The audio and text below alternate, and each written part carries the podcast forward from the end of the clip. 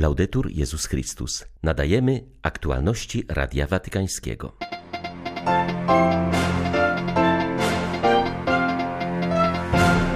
Radość obecnego czasu nadal przesłaniają chmury pandemii oraz wojen. Mnóstwo ludzi wciąż czeka na światło Wielkanocy, mówił papież podczas spotkania z włoską młodzieżą. W obliczu nasilenia rosyjskiej ofensywy arcybiskup Szewczuk apeluje o modlitwę za ukraińską armię. Być może to nasze ostatnie święta, przyznaje zwierzchnik ukraińskich grekokatolików. Ukraińska Bucza to grób Chrystusa roku 2022, z którego zmartwychwstając zwycięża on naszą słabość, nasze bestialstwo i grzech, mówił goszczący na Ukrainie generał Karmelitów. 19 kwietnia witają Państwa ksiądz Krzysztof Ołdakowski i Beata Zajączkowska. Zapraszamy na serwis informacyjny. Niech Maryja uczy was odpowiadać Panu, oto jestem, powiedział wczoraj wieczorem papież do stu tysięcy młodzieży włoskiej zebranej na placu Świętego Piotra. Franciszek oparł swoją refleksję na ewangelicznym fragmencie opowiadającym o połowie ryb przez apostołów po zmartwychwstaniu Jezusa. Ojciec Święty zwrócił uwagę, że obecny okres wielkanocny uświadamia nam, że Jezus pokonał ciemności śmierci. Radość obecnego czasu przesłaniają nadal chmury pandemii oraz wojen, które w wielu miejscach świata przynoszą niesprawiedliwość oraz przemoc, niszczące człowieka i planetę. Mnóstwo ludzi wciąż czeka na światło Wielkanocy. Franciszek zauważył, że opowiadanie ewangeliczne o połowie ryb rozpoczyna się od wielkiego rozczarowania. Pojawia się ono w naszym życiu, kiedy wkładamy dużo energii w realizację marzeń, a rezultaty działań są znikome. Ale dzieje się coś zaskakującego. O świcie na brzegu pojawia się człowiek, którym był Jezus. Czekał na nich. A Jezus mówi do nich: Tam po prawej stronie znajdziecie ryby, dokonuje się cud wielu ryb, sieci napełniają się rybami. Może to pomóc nam zastanowić się nad niektórymi momentami z naszego życia. Życie wystawia nas czasem na próbę, każe nam doświadczać naszych słabości, sprawia, że czujemy się ogołoceni, bezradni, osamotnieni.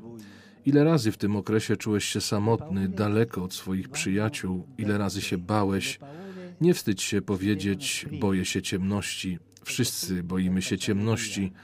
O lękach trzeba mówić, lęki trzeba wyrażać, aby można było je przegonić. A kiedy lęki, które są w ciemności, wychodzą na światło, prawda wychodzi na jaw. Nie zniechęcajcie się, jeśli się boicie, wyciągnijcie to na światło dzienne, to wyjdzie wam na dobre.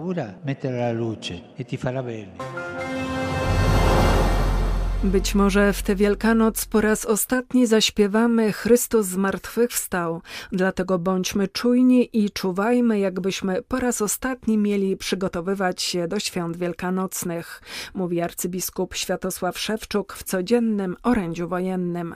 Zarówno Kościół grecko-katolicki, jak i cerkiew prawosławna obchodzą Wielkanoc o tydzień później. Dziś przeżywają Wielki Wtorek, kiedy liturgia bizantyjska wzywa wiernych do czuwania. Zwierzchnik ukraińskich grekokatolików zachęca więc wszystkich do czuwania i modlitwy w tym tragicznym i heroicznym momencie historii, bo dziś, jak mówi, rozstrzygają się losy Ukrainy i świata. W ciągu ostatnich 24 godzin obserwujemy gwałtowny wzrost agresywnych działań okupanta. Nadal trwają ataki rakietowe na nasze miasta i wioski, które świat już nazwał terroryzmem rakietowym. Rosyjskie rakiety spadły na Mikołajów, Charków i inne miasta Ukrainy. Wczoraj rakieta spadła też na Lwów, zabijając co najmniej siedem osób i raniąc wielu, w tym małe dziecko, chłopca uchodźcę z Charkowa. A więc w tym tragicznym i heroicznym momencie dziejów Ukrainy nie śpimy, nie poddawajmy się, czuwajmy. W dzisiejszych czasach, gdy wojna się nasila, gdy wróg nasila swoją ofensywę na Ukrainie, Wzywam wszystkich do intensywnej i niestrudzonej modlitwy za armię ukraińską, bo dzisiaj rozstrzyga się przyszłość, losy Ukrainy i świata. Wzywam do tego ogólnonarodowego czuwania wszystkich, którzy mnie dzisiaj słyszą na Ukrainie i za granicą. Dziękuję wszystkim, którzy będą dziś czuwać razem z Ukrainą w różnych częściach świata, ludzi z różnych kościołów i narodów. Boże, ratuj nasz naród ukraiński. Boże, przyjdź i zbaw nas sam. Wspieraj tych, którzy cierpią za Twoją prawdę i wierzą w Twoją chwałę trzeciego dnia, w dzień zmartwychwstania. Ukraińska Bucza to grób Chrystusa roku 2022, z którego zmartwychwstając zwycięża naszą słabość, nasze bestialstwo i grzech. Nad zbiorową mogiłą wymordowanych w tym mieście cywilów mówił o tym generał karmelitów Bosych, który na Ukrainie przeżył Triduum Paschalne.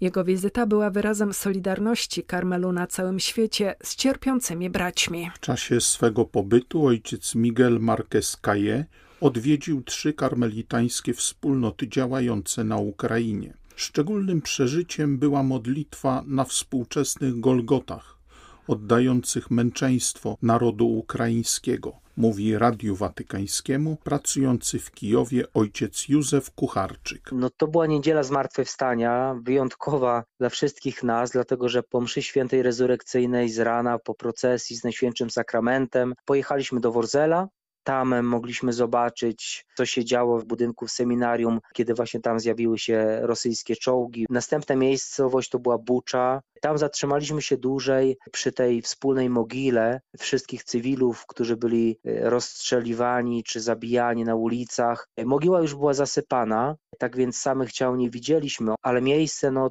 naprawdę niezwyczajne. Jeszcze ten zapach tych ciał, no, tych okrucieństw tam było czuć w powietrzu i tam ojciec Miguel postanowił przywitać z okazji dzieli zmartwychwstania cały zakon karmelitański, mówiąc, że to jest grób 2022 roku. To jest grób, skąd wierzymy Chrystus zwycięża nasz grzech, naszą słabość, nasze bestialstwo. No to było bardzo wymowne. A jednocześnie kilkokrotnie powtórzył, że on zabiera coś z Ukrainy, żeby zawieść właśnie w świat, czyli wiarę w zmartwychwstanie. On tak to nazywał wprost. Widzę w waszych oczach, że wy macie w sobie tą odwagę i wiarę właśnie w Chrystusa zmartwychwstałego, wiarę w zwycięstwo Ukrainy w tej wojnie. Tą wiarę chcę to dalej zawieść do Europy i to przekazać. Życie w Kijowie wraca do normalności, ale wciąż są bardzo zapalne regiony, gdzie ludzie potrzebują konkretnego wsparcia, mówi ojciec Kucharczyk. Myślę tutaj o dwóch jednostkach wojskowych, które są tam niedaleko Mariupola, tak ogólnie mogę powiedzieć,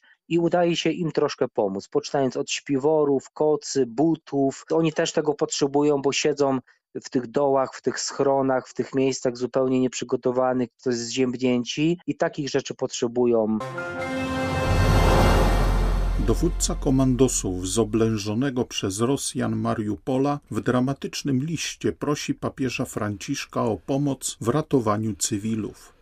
Wasza świątobliwość, zwracam się do Ciebie o pomoc. Nadszedł czas, gdy modlitwy nie wystarczą. Pomóż uratować tych ludzi. Głoś światu prawdę. Ewakuuj ludzi i ratuj ich życie z rąk szatana, napisał major Serhii Wołyń. Dowódca 36. Samodzielnej Brygady Piechoty Morskiej przyznaje, że nie jest katolikiem, ale wierzy w Boga i w to, że światło zawsze zwycięża ciemność.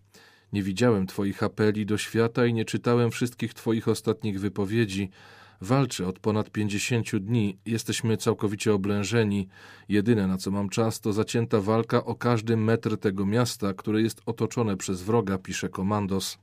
Zapewnia, że jako wojownik i oficer, który złożył przysięgę na wierność swojemu krajowi, jest gotów walczyć do samego końca, pomimo przeważającej siły wroga, nieludzkich warunków na polu walki, ciągłego ostrzału artyleryjskiego i rakietowego oraz wobec braku wody, żywności i lekarstw.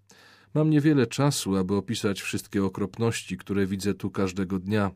Kobiety z dziećmi i niemowlętami mieszkają w bunkrach na terenie fabryki, są głodne i zziębnięte. Bez przerwy znajdują się w zasięgu samolotów wroga. Ranni umierają każdego dnia, ponieważ nie ma lekarstw, wody ani jedzenia, pisze major Wołyń. Podkreśla, że po zbombardowaniu przez Rosjan teatru dramatycznego w Mariupolu, w którym ukrywało się prawie tysiąc osób, nikt nie ma już najmniejszego zaufania do rosyjskich okupantów. Zapewne wiele widziałeś w swoim życiu, zwraca się do papieża Franciszka, ale jestem pewien, że nigdy nie widziałeś tego, co dzieje się teraz w Mariupolu. Właśnie tak wygląda piekło na ziemi. Dlatego kontynuuje: ratuj życie tych ludzi z rąk szatana, który chce spalić wszystko, co żyje, apeluje w przejmujących słowach dowódca jednostki specjalnej. Poparcie patriarchy Cyryla dla rosyjskiej inwazji na Ukrainę jest bolesnym ciosem dla prawosławia. Wielu biskupów i środowisk prawosławnych stanowczo się temu sprzeciwia. Przypomina o tym Christophe Levallois, założyciel i dyrektor jednego z najważniejszych portali informacyjnych w Kościele prawosławnym. Levallois przypomina, że Cyryla od dawna łączą z Putinem bardzo dobre relacje osobiste. Regularnie spotykają się w monastyrze wałamskim. Każdy z nich ma tam w pobliżu własną rezydencję. Co więcej, zależy im na ukazywaniu tych dobrych relacji osobistych. Obaj podzielają tę samą ideologię rosyjskiego miru, która nierozerwalnie wiąże ze sobą wszystkie kraje, które wywodzą się ze chrztu Rusi. Patriarcha podziela argumenty władzy, ale dodaje do nich aspekt duchowy i moralny. Wszystko to budzi u prawosławnych w innych krajach żywy sprzeciw, mówi Levallois. Ta wojna to nowy kryzys dla Kościoła prawosławnego, który już od 2018 roku znajduje się w sytuacji kryzysowej. Wcześniej bywały napięcia, jednakże prawdziwy kryzys pojawił się po tym, jak patriarchat Konstantynopola uznał nowy autokefaliczny kościół na Ukrainie. Doprowadziło to do zerwania komunii między Moskwą i Konstantynopolem. Ciąży to na wszystkich pozostałych kościołach. Natomiast sama wojna jest dla wszystkich prawosławnych prawdziwym szokiem, bo Ukraina i Rosja to kraje w większości prawosławne. Przeżywamy to z wielkim bólem. Metropolita Jan, który stoi na czele rosyjskiego kościoła prawosławnego w Europie Zachodniej, zajął bardzo jasne stanowisko. Stwierdził, że nie zgadza się z postawą patriarchy Cyryla, z jego poglądami potwierdzając jednak swe przywiązanie do cerkwi w Rosji, do rosyjskiej duchowości. Dzięki temu udało się wypracować zgodną postawę bardzo wielu prawosławnych w Europie Zachodniej.